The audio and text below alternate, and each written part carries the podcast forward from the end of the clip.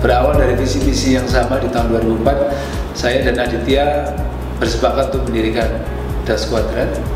Hingga saat ini kami telah menyelesaikan eh, proyek-proyek di Jawa, Sumatera, Sulawesi, Bali. Memang sejak awal saya dan Aditya berkomitmen penuh untuk tidak hanya desain yang baik secara estetika, tapi kami juga utamakan kenyamanan bagi pengguna. Di lahan yang terbatas ini, pengaplikasian desain menjadi tantangan yang luar biasa. Uh, saya dan uh, Eno Mulyono berkomitmen penuh menciptakan proyek dengan total kurang lebih 3000 meter persegi sebagai proyek yang tidak hanya unik secara desain tapi juga secara kualitas gedung baik pencahayaan, sirkulasi udara dan tentunya uh, segi kenyamanan bagi pengunjung yang akan datang.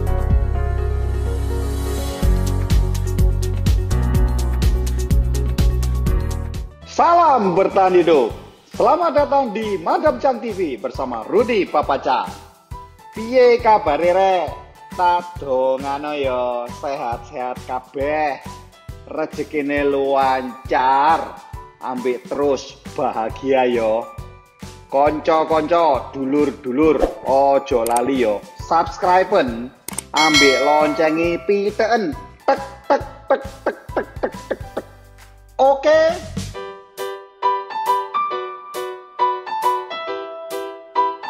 Selamat datang di Survival Talk Madam Chang TV. Kali ini kita kedatangan tamu, sepasang manusia ganteng pol, tapi bukan cuma ganteng, daya imajinasi dan kreativitasnya sangat luar biasa dan bertanggung jawab terhadap bangunan ini.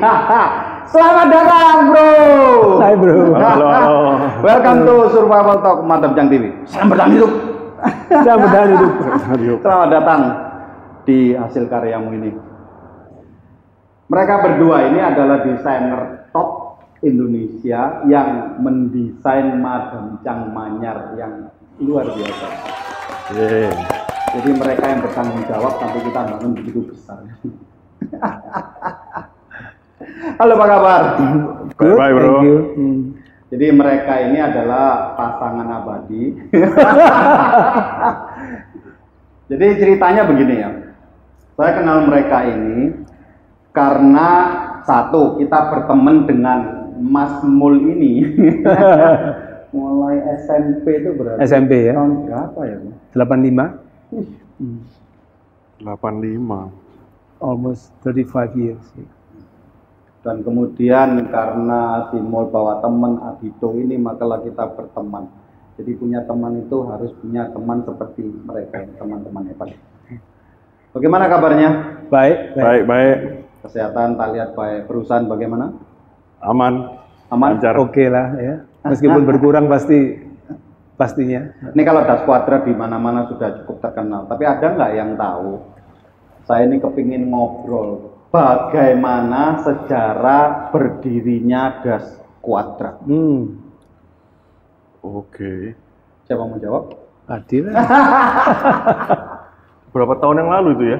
2004. 2004. Jadi eh, 2004 itu saya baru pulang dari Jerman waktu itu. 2004 itu berarti 16, 16 tahun, tahun. yang lalu. 16 tahun yang lalu ya. Seumur berapa Bu? Masih 17 ya. Berapa ya? Eh, 17 Agustus. terus pulang dari Jerman eh, kerja sendiri juga masih waktu itu terus pernah ada klien eh, kebetulan klien tuh teman kita juga si Mel itu apa eh, dia buat eh, foto wedding di Kelampes Oh studio ya, ya Studio. studio, ya, ya, ya. studio foto wedding di Kelampes terus ya saya ngerjain arsitektur sama interiornya waktu itu terus eh, kemudian kira-kira beberapa bulan setelah apa proyek itu jadi ada telepon katanya mau ngajak kenalan mau ngasih proyek gitu terus ketemulah di proyek Dan kamu nggak tahu siapa itu? nggak tahu nggak tahu jadi ketemu di proyek ya gini Mas Mul ini Ini kita versi dari yang dilamar ya. Ya, ya, ya. Jadi 16 tahun kamu menerima telepon dari orang yang tidak kamu kenal dan kamu tanggapin. Iya. Heran kok mau gitu nanggapin orang nggak kenal ya. nah ini pertama awalnya gitu loh, dia ngajak ketemuan karena mau mau Ya. desain sesuatu gitu. Ya, dia Ya. bilang ada proyek, ada proyek apa namanya eh, cukup besar gitu, terus apa mau ngajak kerjasama untuk ngerjain proyek itu. Tapi ya intinya proyek itu nggak ada sih mestinya. Oke, well kita pause dari sisi yang melamar. Oke. Why suddenly you call someone? Oke. Apa yang membuat itu? Jadi saya dan keluarga eh, foto keluarga di studio si M itu. Terus interiornya cukup impresif. Terus saya tanya sama eh, bagian reception siapa yang desain? Terus, oh ini teman kita eh, lulusan Jerman. Boleh minta nomornya? Oke. Ah, Oke, terus saya call Aditya. Terus waktu call, Eh, ajak ketemu lah, pengen pengen jadi kenal. proyek itu beatnya ya. Ah, Oke, terus ketemu pertama kali Dan, Ya ketemu pertama kali eh, apa impressionmu terhadap my friend Enoch ini? ah, Pertama kali. pertama kali turun dari mobil pakai baju warna pink.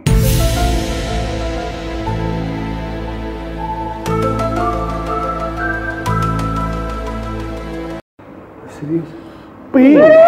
Iya. Oh, lupa. Aku bilang, wah, oh my god. Oke. ya, terus Tapi eh, celana hitam kan? Celana jeans atau hitam? nggak tahu lupa lupa, ya, ya. lupa.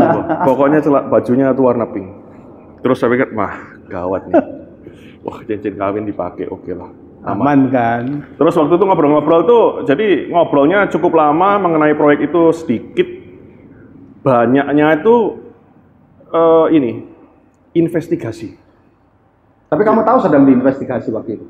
Eh, nggak tahu sih mestinya. Kurang, kurang tahu, kurang tahu. Yang satu berusaha fact finding kemampuanmu seberapa, yang satu berusaha menjual kemampuannya, atau tentunya uang proyek lu ya. Mestinya, mestinya Iya gini. kan? Iya, iya, Mestinya. benar. Bukan Bisa yang invest- yang diinvestigasi bukan kemampuannya, tapi kayak bener nggak dulu Legit sekolah di Jerman? ya. Iya. Eh, gitu. Oke. Mulai dari sekolah, tinggalnya, pokoknya seakan-akan kayak nggak tahu apa-apa gitu. Sebentar, Nah. tapi itu kan versinya dia. Padahal saya nggak nanya apa-apa. saya nggak nanya apa-apa. Jadi cuma kenalan. Iya, iya. Ketemu. Oh, Saya nyerocos terus ketemu, ya? ketemu di proyek, terus kenalan. Terus saya, eh gimana dulu di Jerman? Eh, di, tinggal di mana? Berapa lama? Terus dia mengeluarkan laptop, presentasi. Padahal saya nggak minta. Presentasi tentang Proyeknya dia. Oh, lupa itu saya. Jadi ya, masa tak tolak? Jadi ya nunggulah sampai dia selesai uh, subscriber, maka itu mendengarkan dari dua sisi itu sangat penting. Oke terus, apa Ya. yang membuat tertarik? Oh Nah. ini akan menjadi my partner. Loh, dari versi versi saya itu ya itu rasanya kok orang ini menyelidiki sekali gitu. Terus terakhir-terakhir waktu akhir pamitan saya tunjukin proyek. Waktu pamitan kasih kartu nama. Oh iya iya. Iya. Pertama ketemu kita nggak saling minta kartu nama, cuma kenalan. Terus pas mau pulang dia minta, boleh minta kartu nama nggak? Kasih. Terus dia baca, gelarnya sama sama dia. Waduh, Ah, kurang ajar. aku dikerjain. Iya, gitu. Toloyo gitu ya. Padahal nggak ngerjain, cuma kenalan toh. Ya, ya.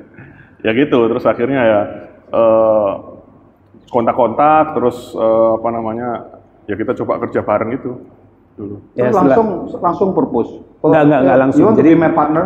Gitu. Eh, beberapa kali eh, telepon rasanya, terus Ya. terus terus saya bilang ke Aditya kalau gimana kalau kita buat konsultan eh, berdua karena eh, lagi bagus gitu sekarang. Tahun-tahun itu tuh Surabaya perlu. Tahun 2000 2004, 2003, 2004. 2004 lah. Ya 2004. Terus kemudian apa Ya. yang membuat kamu oh ya ini jadi no partner aja cocok. Ya cocok karena sama-sama alumni Jerman. Terus kelihatannya orangnya baik juga. Eh, kelihatannya, Kelihatannya. kelihatannya nggak baik juga. Kelihatannya guys, but sometimes looks can be deceiving. Ternyata orangnya bukan baik dan sangat. Terus? Ya apa eh, Nah, awalnya karena begini loh ya. Kit- Kita ini bertiga juga berteman, Hmm. berteman. Dalam arti gini, sometimes kita yang berteman dengan orang yang lama aja, begitu masuk di dalam bisnis, Hmm. ada teman hura-hura, teman di saat duka, ada teman yang cocok memang untuk bekerja tapi tidak cocok untuk diajak hura-hura. Kadang-kadang kerja dengan teman aja sulit apalagi ini baru kenal kok bisa jadi partner ya. Nggak, nggak ada, ada, ada rasa takut ya apa besok-besok nanti kalau ribut atau apa gitu ya. Ya. Ya, kita sih ya awal mula akhirnya kita partneran itu karena saya lihat juga ya itu orangnya baik, terus kita punya visi dan misinya sama, terus eh, ya jalan flow gitu aja. Nah, jalannya waktu banyak yang tanya gitu loh. Oh, sudah berapa lama partner kita sama? Terus eh, apa namanya? Kok bisa? Terus eh, trik tipnya apa? Banyak sekali yang tanya tentang itu. Sampai 16 tahun kemudian masih diundang di Survival Talk membicarakan partnership. Wow. Karena ini penting, penting. Ya. Karena gini loh ya. Oke, memulai itu gampang. Hmm. Begitu partnership. Hmm. Partnership itu sama dengan orang menikah, pu- enggak, menikah enggak punya duit ribut. Hmm. Punya duit ribut. Loh, kan ya sama sih. Pernah nggak sih ribut sih? 16 tahun yang paling gede itu ribut aku. Atau So enggak far, pernah ribut? 16 tahun nggak pernah. Nggak pernah ribut sama Nggak sekali. pernah sama Nah, ini sekali. kuncinya apa? Ini perlu dibagi di subscriber di Profile Talk ini. Nah kalau ditanyain kuncinya kita juga nggak Nggak tahu. juga nggak tahu kenapa Ya, ya. ki- kita anggap konsultan ini berdua, milik berdua ini dan tim, ya eh, kita transparan, saling percaya, terus pasti ya nggak nipu satu sama lain, Kuncinya menghargai. Jadi jadi mungkin mungkin ya eh, karena kita ini jadi banyak kesamaan. Kesamaan jadi contohnya aja contohnya gitu. eh, pas suatu hari kita pergi ke Italia waktu itu ke Roma, terus sama grup kan kita pisah. Jadi pisah terus nanti ketemu lagi di satu titik gitu pada jam tertentu gitu. Terus habis itu eh, ya udah kita pisah terus tahu-tahu saya jalan lewat etalase toko ini saya lihat, wih itu keren banget tuh sepatunya. Saya masuk itu setelah satu jam dua jam saya masuk ke toko itu saya mau ngambil sepatu itu dia sudah di sana dan sudah beli sepatu itu. berarti sepatu itu sudah di guys sabuk beli lagi. Enggak, ya. nomornya lain. Oh, nomornya lain, nomornya lain. Tapi modelnya sama. Modelnya sama. Enggak janjian loh. Nah, itu salah satu gitu. Tapi hal-hal yang lain yang kayak Sering kejadian nggak? tahu-tahu dia sudah punya, punya sabuk yang saya sudah punya, terus punya baju yang sama lah apa gitu-gitu. Ya, ya, ya, ya itu salah satunya sih. Terus kedua, kita ini dua-dua nggak hitung-hitungan. Jadi kayak kayak kayak kita kalau ada proyek nih, jadi bisa otomatis switch gimana ya? Otomatis itu kayak ini ini kerjaan nih, ini bagianmu gitu. Itu kita enggak. Jadi kita kerasa wes ah ini aku sih ngerjain noe. Dan dia sudah kerasa ya, oke, kayak mau ngomong ya udah kamu ngerjain atau dia enggak usah ngomong pun ya, oke ini aku kerjain atau sebaliknya juga gitu. Dan kita nggak nggak kayak, ini aku yang ngerjain setengah mati loh ini. Kamu nggak dapat nggak ngerjain apa-apa ini, kamu langsung maksudnya kayak hasilnya sama gitu. Apa menerima hasil yang sama. Itu kita nggak ada nggak ada kayak atau gitu. atau gini misalnya dia kan arsitek. Saya kan interior arsitek jadi interior designer kalau orang Indonesia kenalnya. Saya bisa ngerjakan arsitektur tapi dia juga bisa ngerjakan interior. Jadi nggak harus dia harus arsitektur saya harus interior Kuncinya partnership itu satu, trust toh. yes Ya. Kedua apa? Saling menghargai Saling- porsi saling terbuka, masing-masing, saling terbuka. saling terbuka Jadi tidak ada merasa ini eh, effort saya lebih besar Yes, daripada penting itu, effortmu, ya. balance lah ya. Hmm, hmm. mungkin ya saling jujur juga Ya, cuma trans- transparan. cuma setelah uh, jadi saya pernah ketemu sama orang ngobrol-ngobrol masalah partnership juga terus uh, ngobrol-ngobrol-ngobrol-ngobrol akhirnya kita tuh menemukan satu kunci gimana partnership itu bisa uh, Langgeng. lebih langgeng lebih lancar Eh, kuncinya itu background ekonomi yang sama I mean, you guys background ekonominya sama. mirip kurang lebih lah Oke. soalnya soalnya kayak gini kalau satu contohnya apa namanya eh, sultan gini. satunya biasa partneran nih nah yang Nih, sultan ya. ini eh, apa namanya nggak kerja mungkin merasa lebih Kasta lebih tinggi. kastanya Ya. lebih tinggi. Eh, kalau saya ngomong bukan gitu jadi kalau yang sultan ini nggak kerja juga bisa hidup Oke, dari situnya. ya kalau yang satunya ini kan harus kerja supaya bisa hidup jadi akhirnya ini balance Tidak balance ya. Ya, ini balance. Eh, jadi balance itu kayak ah nanti lain kayak gini. Oh, supaya aku bisa ngimbangin, aku harus nyari kerjaan lain. Jadi ternyata partnership di perusahaan itu juga harus melihat bibit, bebet, dan bobot. Betul Ya. juga. Ya kan bibitnya sama sekolah Jermannya, Oh, Oke. ya kan bobotnya sama. Bebet itu apa? Bebet itu turunan bukan ya? ya nanya orang baik-baik lah. itu bibit. Oh, itu bibit ya. Bebet. ya, ya. Tetapi gini loh ya. Kita orang menikah, Hmm. you guys married, Hmm. married. Pertanyaannya lebih sering ribut dengan istri atau dengan partner di dunia usaha? Ya kan tadi kita udah bilang, kita nggak pernah geger. Iya, jadi Kalau sama istri, tidak pernah damai. Lebih sering lah. lebih sering damainya. Lebih sering damainya. Oh berarti Berarti perangnya banyak terus damai. itu adalah action setelah ada Perang. Iya. Oke, oke. damai itu artinya gencatan senjata, damai, damai, damai gitu ya. Kalau lu ya apa, bro? gimana ya? Jadi eh, yang di rumah ya pasti lebih sering bertengkar ya. Ya bukan bertengkar lah. Apa namanya? Eh ini loh, berbeda pendapat lah, bukan bertengkar lah. Ini yang menarik, ini menarik, saudara. Tak tanya ini. Waduh. Kok bisa urusan duit kalian bisa akor? Tapi urusan hati kok nggak bisa akor kadang-kadang. Kok sulit untuk menentukan jalan yang sama? Apa karena tidak dilandasin duit rumah tangga ini? Mestinya enggak. Jadi pria dan wanita selalu beda kan mindsetnya. Kalau pria dan pria lebih mudah. Tapi ya itu karena pria dan wanita, wanita itu selalu right. Iya toh. Jadi Woman is always right. Right, ya. Dan kita selalu berada di sisi sebelah left. Left. ya left. Maka Maka itu setiap keputusan we guys kok mari curcol sih kita selalu left behind Lebih. kita ini gagah sing nyato aku ya apa hidupmu ya apa lalu tanda ya apa kalau aku sih kenapa macam ya oke Oke kok pakai nangis. back to business Oke. Ya. Kenapa ya kadang-kadang ya? Kok di rumah tangga itu komunikasi terkadang lebih sulit daripada di bisnis? Apakah karena karena kalau misalkan partnership di dalam bisnis kalau ribut, wih, biaya tinggi, income. Kita berdua sih nggak pernah mikir gitu. Eh, tapi kita jalan secara natural. Sampai hari ini belum ada eh, gegeran nggak ada. Iya, Ah, kira-kira. heran juga kita. Maksud Ya nggak minta di tahun-tahun ke depan kita gegeran enggak. Kalau bisa bagus terus. Kalau lagi sepi order, siapa yang pintar nyari order?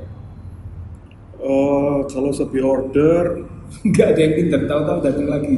ya kita berdoa bersama-sama. Dia berdoa di rumah, ini berdoa di rumah. Kalau menghadapi klien yang sulit, Nah itu, siapa? itu Yang tuh maju? itu tuh eh, pertanyaan yang bagus. Jadi eh, klien yang sulit itu, jadi gini, banyak orang yang bilang saya ini lebih sabar daripada Mas Mul, gitu. Tapi orang banyak juga yang lihat Mas Mul ini lebih sabar dari saya. Nah, Tapi ya tapi gini, jadi ada klien-klien tertentu yang bisa cuma dihandle oleh dia dan sebaliknya. dan sebaliknya itu lucunya. jadi punya segmen sendiri-sendiri ya. Iya. Jadi kalau saya, se- waduh ini sudah. Siapa yang menentukan? Dimeetingkan misalnya Justru itu nggak ada yang Nggak nentuin. Flow sendiri, bisa kerasa by feeling. By by, feeling. feeling. Setrum. Setrum.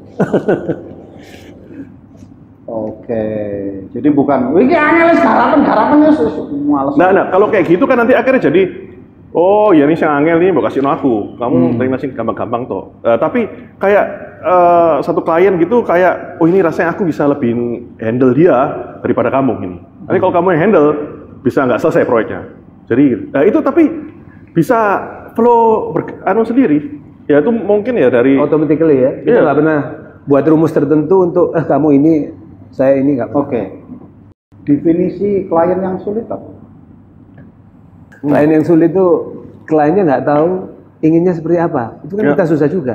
ya, Klien tidak tahu Seleranya di mana nggak tahu. Diri sendiri nggak tahu seleranya ke arah mana. Jadi kita disuruh meraba-raba. Kira-kira style apa yang cocok buat klien? Itu agak sulit. Oke, kalau ini jadi menarik karena yang namanya arsitek, desainer itu kan punya gaya. Masa Ya. sih bisa dipush benar-benar sesuai dengan apa yang klien minta? Kan some, some designer punya yang namanya ideologi, idealisnya. No, I'm sorry. Kalau itu maumu, I don't think I can deliver. Ya, jadi gini, eh, kalau kita ini sudah rasanya lebih ke kayak dokter sudah subspesialis, jadi sudah bukan dokter umum lagi. Jadi, eh, Spesialis klien susah gitu. ya. jadi kayak kayak style yang kita buat itu lebih ke arah modern, simple, minimalis. Eh, mungkin nanti ada sentuhan tropical juga. Ah, tapi kita nggak ke arah yang kayak eh, apa klasik segala. Jadi oh, klien yang ke kita dia sudah lihat project kita. Dari situ dia lihat, oh, oke ini sesuai dengan aku karena aku suka modern. Tapi kalau klien yang suka minimalis, yang medi- mediteran banget, dia lihat, wah ini kelihatannya apa Oke, namanya? berarti nggak ada ya orang ketemu kamu nggak tahu kamu alirannya apa nggak tahu, nggak mungkin kan? Eh, Ada satu Pernah nggak dua. ketemu? ada satu dua, tapi eh, apa? Ya kita, Berangkatnya kepingin membangun sesuatu yang klasik dan kemudian ketemu kamu. kalau yang klasik nggak ada ya, nggak ada. Atau bahkan datang dengan mindset klasik setelah ketemu kamu punya konsep ya? yang berbeda. Pernah. Pernah sih, satu kali ada klien yang mau klasik berat, kita arahkan klasik modern. Jadi akhirnya? American klasik dan akhirnya mau. ya tapi itu nggak masih nggak nggak terlalu Ekstrim. ekstrim Iya, ya, ekstrim. jadi masih masih kira-kira masih senada lah. Gitu. Jadi lebih sulit menghadapi klien yang dia tidak tahu apa yang dia mau. Bukannya nurut malah. Ya Oh. sarmu gitu. Yang kedua, ada yang klien selalu berubah. Setiap kali kita Ya itu ketemu, karena karena meeting, dia nggak tahu pinginnya apa. iya, dia selalu berubah. Habis Karena dia tidak tahu apa yang dia mau sehingga Yes. pagi A besok C Iya, besok D. setelah dia lihat film, wah ini bagus dia mau mirip kayak gini. Terus bulan depan dia jalan-jalan ke Itali, wah dia mau kayak gini. Jadi akhirnya berubah-ubah terus. Oke, kalau gitu siapa yang handle biasanya? Ya tergantung personil orangnya ya. Tergantung hoki-hoki tadi.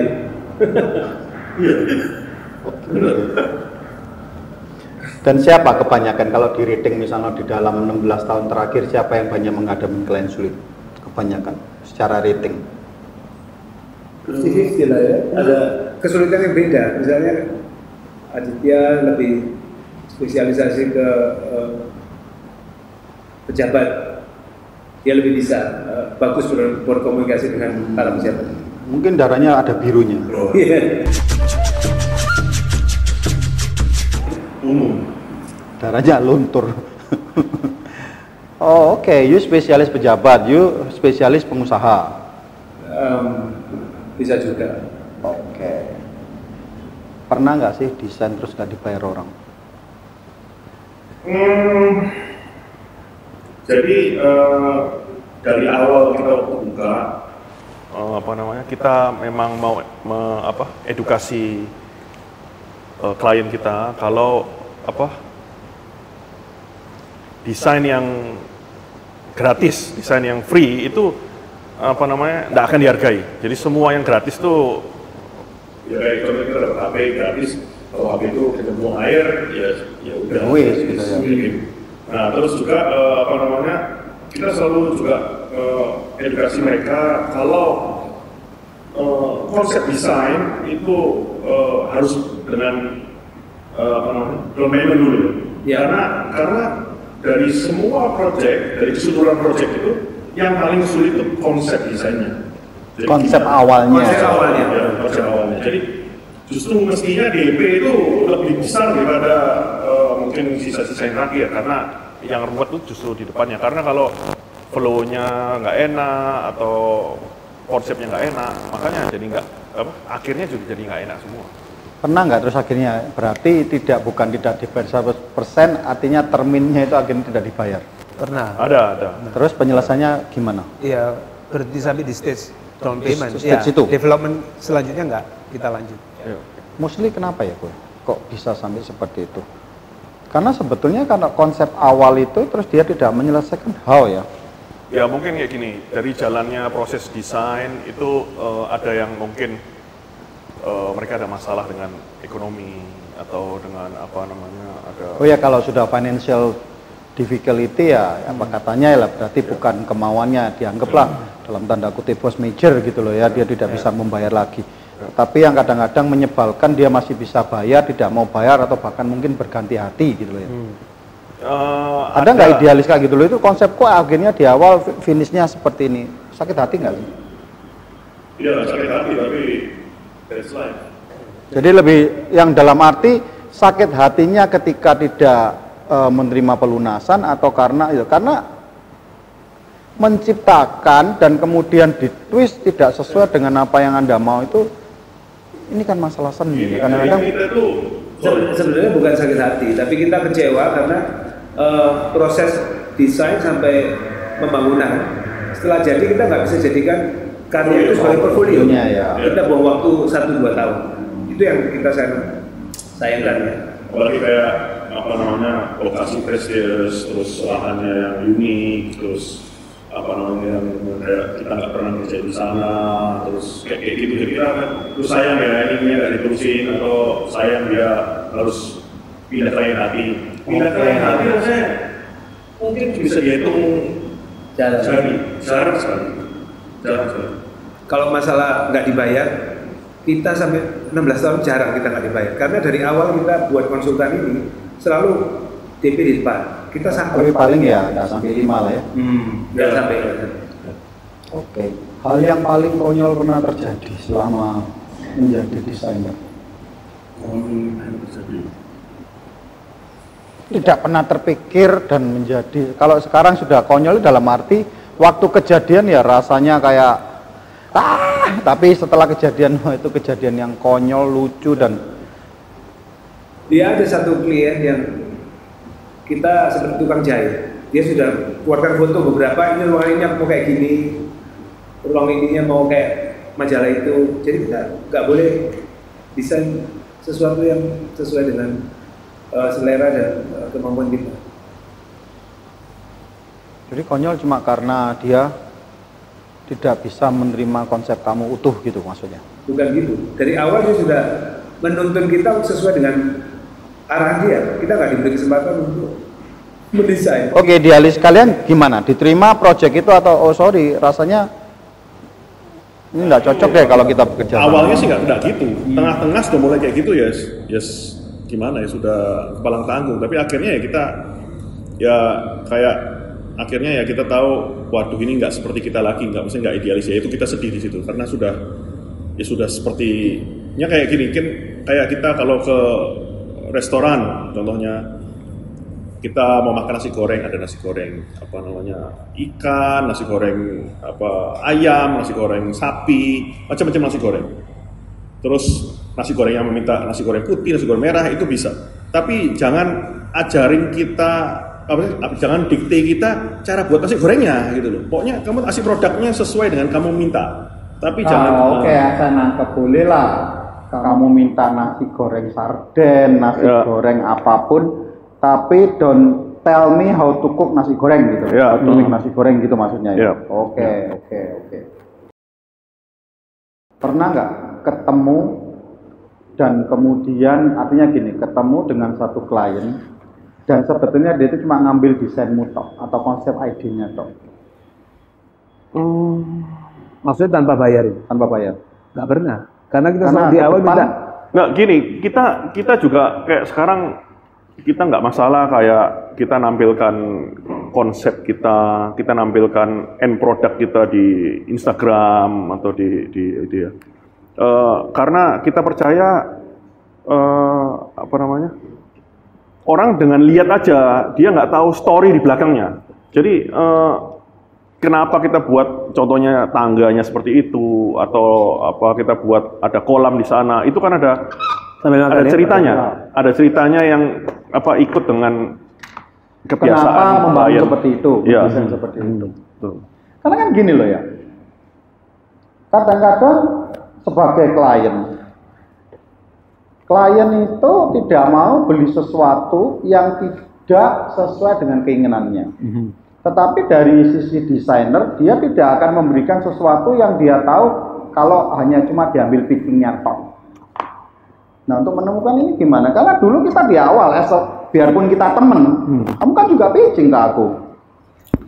Ya kan? Maksudnya Oh apa? dari konsep dasarnya aku bisa menerima. Nah konsep dasar ini sampai bisa diambil gitu loh, dan akhirnya tidak kembali ke kamu. Apa karena kita teman kamu pitching gratis atau sebelum pitching orang harus bayar? Klarifikasi. Sebelum pitching orang harus bayar lah. Oh, harusnya gitu ya? Mm-mm. Oh thank you ya bro, istimewa. oh berarti bukan, bukan yang kayak seperti yang kita lakukan. Jadi itu ya? jadi biasanya sih kalau kita per- pertama ketemu klien itu ya kita lihat lokasi, kita apa namanya eh, tahu kebiasaan dia apa. Contohnya kayak rumah ya, kebiasaan dia apa. Kita kita ada list eh, kebiasaan-kebiasaan dia, terus mimpi dia apa. Itu tuh eh, kita jadiin satu file, kita pelajarin dia. Terus waktu ketemu itu kita paling tidak sudah mulai kasih secara verbal. Jadi, oh kira-kira bangunanmu ini seperti ini. Jadi secara verbal itu kita biasa kita ngomongin kasih. Destet kan belum bayar tidak Belum, belum, belum. apa-apa. Ya, belum. Belum. Nggak apa-apa. Karena apa? Itu eh, eh, sekarang contohnya sekarang saya cerita tentang mobil Mercy gitu. Wow, lampunya nanti tipis, bannya besar, bodinya seperti ini, terus di atasnya ada skylightnya kayak gitu-gitu. Nah, tapi nanti orang yang buat, kalau tanpa kita ini, ya bisa nggak jadi Mercy, bisa jadi Wuling contohnya, bisa juga kayak gitu. Itu jadi jadi eh, kita nggak takut masalah itu, kita nggak nggak nggak khawatir tentang itu. Oke, oke, oke.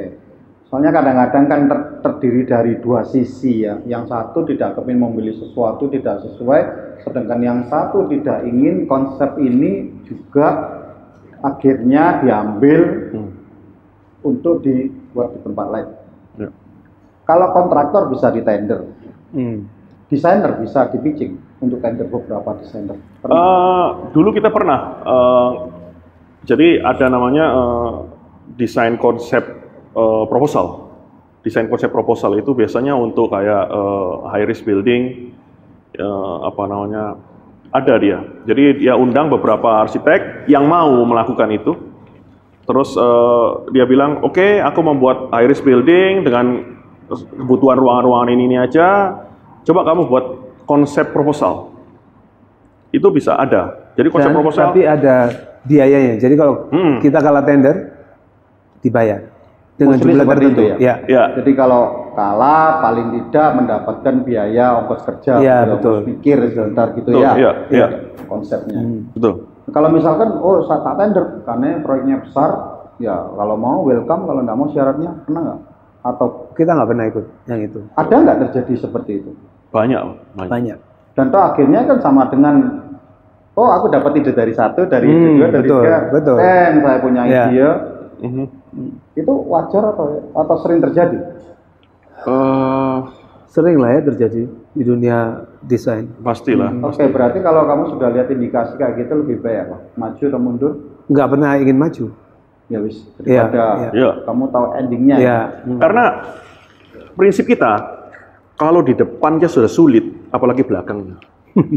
Jadi Tapi, kalau tapi bro, tipe orang kan macam-macam. Hmm. Ada orang yang manisnya di depan. Hmm, hmm. Hmm, hmm, hmm. Dan ternyata kamu ikutin. Ya, itu- akhirnya itu kejebak, itu kejebak Nah, namanya. kejebak, Bro. Ya, Pernah, ya, pernah. ya. Akhirnya kencing manis. Amputasi. kalau di depan di depan di depan itu sudah Dan paymentnya agak sulit. Ya enggak, maksudnya sudah ngelibet aja, sudah ruwet. Ah, agak. Ya. Itu di balik di belakangnya ya kita kemungkinannya dapatnya kita sudah mikirnya oh ini sudah ruwet pasti akan ruwet. Nah, tapi kalau dia di depannya ruwet belakangnya manis ya bonus gitu. Terus ya apa kok kalau bangun rumah untuk perkawinan dan perkawinannya tidak lanjut dan proyek itu lanjut nggak? Gini jadi ada satu couple yang datang ke kita permintaannya cukup cukup unik. Jadi yang bukan standar. Cukup detail, very personal. Ya, cukup detail, very personal. very personal. Terus eh, permintaannya Itu kita desain. Pas mulai mau bangun putus. Berarti dia punya problem di luar tidak menyelesaikan rumah ini. Rumahnya tidak tidak jadi. Maksudnya ru- ru- rumahnya berarti tetap jadi kan? tetap jadi. Tapi dia nggak jadi kawin. nggak jadi kawin. Begitu rumah jadi, tep, rumahnya dijual sama yang, yang cowok, yang cowok. Oke, kalau tak balik pertanyaannya, pernah nggak gara-gara bangun rumah yang mau kawin nggak jadi kawin karena ribut? Karena dilihat, loh, eh, abang ini aja gak cocok menentukan tekel aja ribut. Nggak usah kawin. pernah? Kalau kalau seperti itu, eh, apa namanya, justru mereka ini pasangan ini malah berterima kasih dengan kita. Pernah. Nggak pernah sih. Tapi harus berterima kasih dengan kita. Loh, Nggak benar, benar, kan? benar harus berterima kasih dengan kita. Justru Karena apa? apa? Dengan gara-gara rumah ini, Punya anak lagi. pernikahanmu terselamatkan. Nggak jadi nikah maksudnya? Iya, nggak jadi menikah lebih terselamatkan gara-gara rumah ini. Masa, masa, masa mele keramik aja kamu satu karan, ya toh. Lebih baik sudah nggak jadi kawin. Oh, iya. Loh, karena kadang-kadang nih ada orang yang mau menikah gara-gara restorannya. Gak jadi nikah loh. Yang satu mau standing party, yang mau Oh, yang iya. satu kepingin ya apa itu? Menurut- Pesta- menurut- pesta- iya. pesta duduk begini atau yang satu kepingin party, kepingin yang satu kepingin holiday, nggak usah repot-repot loh. Rasanya itu urung kawin loh. rasanya itu lebih dari apa namanya eh, yang nentuin itu pasti orang tuanya. Jadi itu dari orang tuanya. Dan mereka karena ini disupport oleh orang tuanya ya siapa? Ikut aja. Kalau saya ngomong gitu. Kalau ya tapi Nah, ya tapi tapi kembali lagi kepada orang yang mau menikah tidak jadi menikah lah finisinya ya diserahkan yang bayar gitu ya terus no gitu. Enggak, rumahnya dijadikan. Ya tapi kemudian sudah tidak lagi kak apa katanya dua orang itu kan ya cuma enggak, iya, Iya. iya. bayar iya. yang punya suami. Dan akhirnya rumah itu dijual dan waktu jualnya Juga juga agak sulit karena rumah itu rumah cukup masalah. enggak, cukup perso- cukup personal tadi. Iya, dan khusus. Itu masalah. Oke. Yang menarik lagi apa ya? Ini cukup menarik loh. Ini fakta loh Ya. kadang ya benar ya. Yang menarik lagi, kalau mereka tinggal di rumah baru, biasanya mereka dapat anak lagi baru. ya itu selalu. Saya- Mau tua mau muda ya. Iya. Jadi kamu jangan desain Bonus rumah anak. sama kita. Kalau nggak pengen punya anak lagi. Ini kan restoran. Kalau rumah, oh bisa bisa. Oke sebagai penutup ini sangat penting. Oke. Banyak orang tidak mengerti bagaimana step by step untuk eh, mencari dan bekerja sama dengan arsitek. Hmm. Sehingga yang kadang-kadang standar di industri ini jadi mereka lu kok gini, lu kok gini lah, apa mungkin yang mau disampaikan gitu loh. Standarnya yang bagaimana dalam kalau Anda ingin membangun sesuatu dan kedua dan kedua bagaimana mencari arsitek yang cocok dengan keinginan kita. Supaya gini loh ya tidak menghabiskan waktu semua orang gitu ya. Benar ya?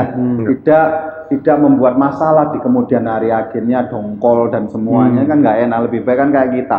Dari teman ada project dan sampai sekarang berteman begitu kan ya. Ah, silakan. Ini pasti banyak di luar sana yang ingin bangun-bangun. Ya, sa- saya paling bisa kasih satu saran lainnya mungkin Aditya. Sekarang di sosial media kita bisa lihat karya seorang arsitek atau desainer apa pun dari Instagram, Facebook atau eh, kita pergi ke toko buku Periplus atau Gramedia. Di situ ada beberapa karya desain yang sudah dipublish dalam rupa buku atau majalah. Kita bisa intip di situ karya desainer itu. Kira-kira kalau cocok baru dikontak. oke jadi yang paling awal lihat Instagramnya bener Bisa, Betul, bisa. ya karena lebih gampang ya Betul. Ya. Sekarang portofolio semua diupload di sosial media. Hmm, tanya Facebooknya, tanya Instagramnya. Oke.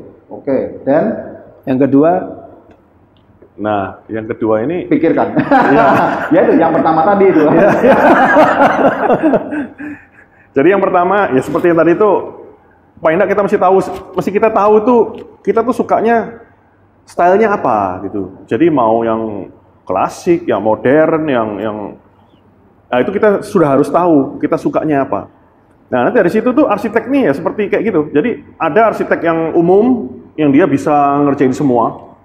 Ada juga yang subspesialis. Jadi dia maksudnya subspesialis itu dia lebih sering ngerjain proyek tertentu gitu. Jadi contohnya dia juga ngerjain eh, apa namanya tipe modern, tipe apa namanya eh, minimalis kayak gitu. Terus eh, kedua ya dari apa namanya dari ini referensi teman. Referensi teman kan juga ada itu. Ya, tapi referensi teman ini masih menurut saya masih 50-50 ya karena kadang-kadang bisa sama si Temen A bisa cocok. gayanya ya, ya. ya, padahal padahal mestinya dia enggak seperti itu gitu loh. Kadang-kadang sama si A cocok, kadang-kadang si- sama si B nggak cocok. Cuma dari situ kan kita bisa tahu kayak gini, eh, gimana komunikasi dengan arsitek. Jadi arsitek ini eh, menurut kita selama eh, klien ini eh, wajar ya, tanya yang wajar, itu kita harus kita harus berhak apa namanya eh, memberi jawaban. Soalnya kadang-kadang pertanyaan ini bagi kalian hal yang simpel tapi bagi kita ini kita nggak mengerti gitu loh ya. Ya, ya itu itu kita tahu. Itu dari bobot pertanyaan itu kita tahu. Jadi bukan kayak contohnya eh, ya garis ini apa, ini apa. seperti partnermu dulu gitu ya. Ya, gitu. Jadi dari bobot pertanyaan tuh kan tahu juga eh, apa namanya. Nah, nanti dari situ kan kelihatan, oh arsitek ini gimana feedbacknya, gimana hubungannya dia dengan eh, apa namanya eh, kliennya. Itu dari situ tuh itu menurut saya penting. Karena bangun rumah, bangun project itu nggak cuma hitungan minggu atau bulan, gitu, tahun bahkan. Ya, setahun dua tahun itu bakal ketemu terus. Ya, itu kalau dua tahun kayak dari awal mungkin dilihat, wah ini arsitek ini sulit dihubungi atau arsitek ini apa ngasih jawabannya sulit atau sulit diajak komunikasi. ya ya kayak gitu apa nggak pernah ada di Surabaya atau nggak pernah ada di Jakarta, maksudnya nggak pernah ada di tempat ini, maksudnya jarang datang juga gitu. Ya untuk apa namanya untuk eh, mau pakai jasa dia itu kita ya gitu loh, maksudnya ya, Harus pikir. Oke, satu samakan dulu apakah arsitek yang akan kita ajak kerjasama itu sesuai dengan apa yang kita mau dan kedua mencoba melihat apakah mereka eh, termasuk tipe orang atau tipe perusahaan yang mudah diajak komunikasi. Ya, ya. Oke, ketiga ada. ketiga ya. kan uncal-uncalan kan? Iya, iya, benar, Nah, benar. ya. Ketiga pastikan budgetnya cocok dengan fee yang ditawarkan oleh arsitek. Oh, Kan harus deal dulu kan? oke. sebelum Oke, mulai, ya. oke. Berarti di awal itu sebagai klien tanya apa? Per metermu berapa? Per gambar berapa? Gitu. Eh, Nah, harusnya gitu ya. Ada yang nanya Ya, begitu. banyak banyak yang seperti itu. Jadi kadang itu kadang kadang itu kita gini. Kita masukkan Instagram eh, apa kalau dari referensi teman atau dari kenalan gitu, dia sudah tahu kira-kira kira-kira per meternya per meter berapa. gitu ya. Tapi kalau dari Instagram itu benar-benar yang tahu-tahu klien dari Medan, klien dari apa Kalimantan, itu yang benar-benar nggak tahu. Nah, cuma eh, kalau mereka sudah teredukasi dengan dengan majalah, dengan apa, mereka kan tahu kan, oh arsiteknya sudah, contohnya masih junior atau senior atau medium atau apa, dari situ mereka mungkin bisa. Oke, yang terakhir pertanyaan saya nih. Termasuk di kelas yang mana Das Quadrat ini? Ya, kalau Jadi kita supaya subscriber ini sudah tahu ketika akan menghubungi Das Quadrat dia sudah tahu oh ini memang kelas saya within my reach. Oh, ini kalau bangun ini nanti aja 20 tahun lagi kalau saya sudah punya duit saya hubungi Das Quadrat. kita kelas yang menengah lah, menengah lah. Medium high lah ya. Ya, oke. Senang banget Terima kasih for having us, hari ini Bapak Chang. kita bisa ngobrol dan semoga bisa memberi wawasan di luar sana supaya ke depannya banyak orang-orang yang ingin membangun, mendesain bisa mengerti dan kemudian dari pihak Das Quadrat tidak mendapatkan klien yang sulit tidak memahami satu sama lain. Ya. Terima kasih banyak. Terima kasih banyak. selalu Terima dan banyak. semoga lebih banyak membangun landmark-landmark di seluruh Indonesia. Amin. Amin. Sukses selalu. Salam bertahan. Salam hidup. bertahan hidup. Salam bertahan hidup. Jangan lupa subscribe, lonceng, dan di komen supaya bisa berinteraksi terus. Sampai ketemu.